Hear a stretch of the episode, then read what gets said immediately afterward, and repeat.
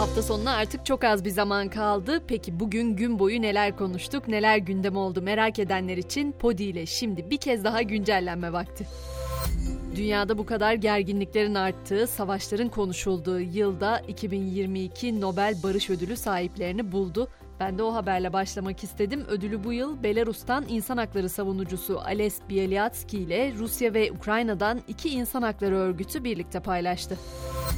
Yurda dönelim. Alevi Bektaşi Kültür ve Cemevi Başkanlığı kuruluyor. Açıklama Cumhurbaşkanı Erdoğan'dan kurulacak bu başkanlık muhtarlıklara, derneklere, belediyelere, federasyonlara bağlı cemevlerinin tamamının yönetimini yürütecek.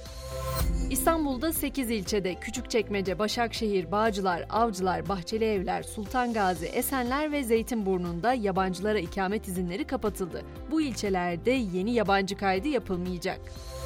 Avrupa'ya geçelim. Malum oranın gündemi enerji krizi. Fransa'da 2 yıl içinde ülkenin enerji tüketimini %10 azaltmayı hedefleyen enerji tasarruf planını açıkladı. Plana göre kamu binalarının maksimum sıcaklığı 19 dereceyle sınırlanacak, tuvaletlerdeki sıcak su zorunluluğu da kaldırılacak. Öte yandan Avrupa Parlamentosu da enerji krizi nedeniyle meclis binalarında ısıtma sistemlerinin haftanın 3 günü tamamen kapatılmasına karar verdi.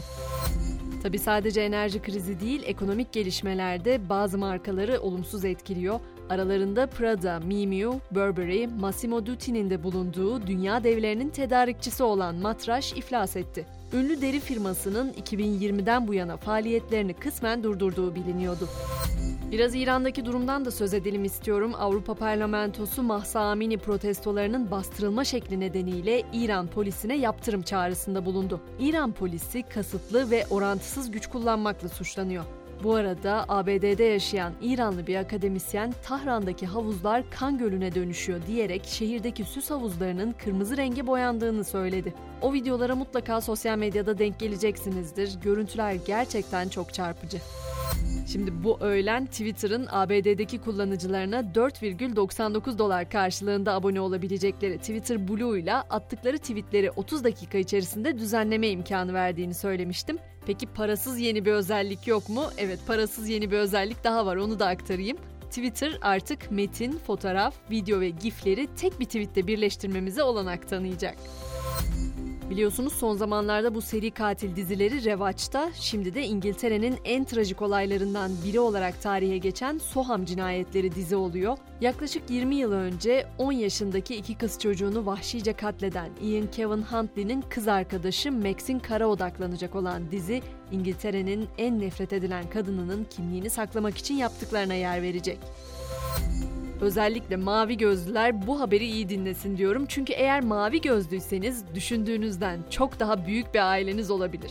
Yapılan bilimsel bir araştırmaya göre dünya nüfusunun %8 ila 10'unu oluşturan mavi gözlü insanlar aynı atanın soyundan geliyor. Mavi göze sahip ilk insanın 10 bin yıl önce Avrupa'da yaşadığına ve tüm mavi gözlü insanların aynı mutasyona uğradığına inanılıyor. Bir de dikkat çekici bir analiz raporu aktaracağım. ABD'de son 5 yılın en popüler Google aramaları analiz edildi. Ve bu analiz işten kaytarmak isteyenlerin bahaneyi Google'da aradığını ortaya koydu. İşe gitmemek için bahane aratanların sayısı 2018'de 355 bin civarındayken 2022'de bu rakam tam 4 milyona dayandı. Spor haberleriyle devam edelim ve pota diyelim. Türk Hava Yolları Euroleague'de bu akşam temsilcilerimizden Anadolu Efes parkede olacak. Anadolu Efes'in Sırbistan'ın Kızıl Yıldız takımını konuk edeceği maç saat 20.30'da başlayacak. File'de ise Amili Kadın Voleybol takımımızın mücadelesi var. Dünya Şampiyonası'nda F grubu 3. maçında File'nin sultanları bu akşam Amerika Birleşik Devletleri ile karşı karşıya gelecek. Bu maçın başlama saati de 18.30 olacak.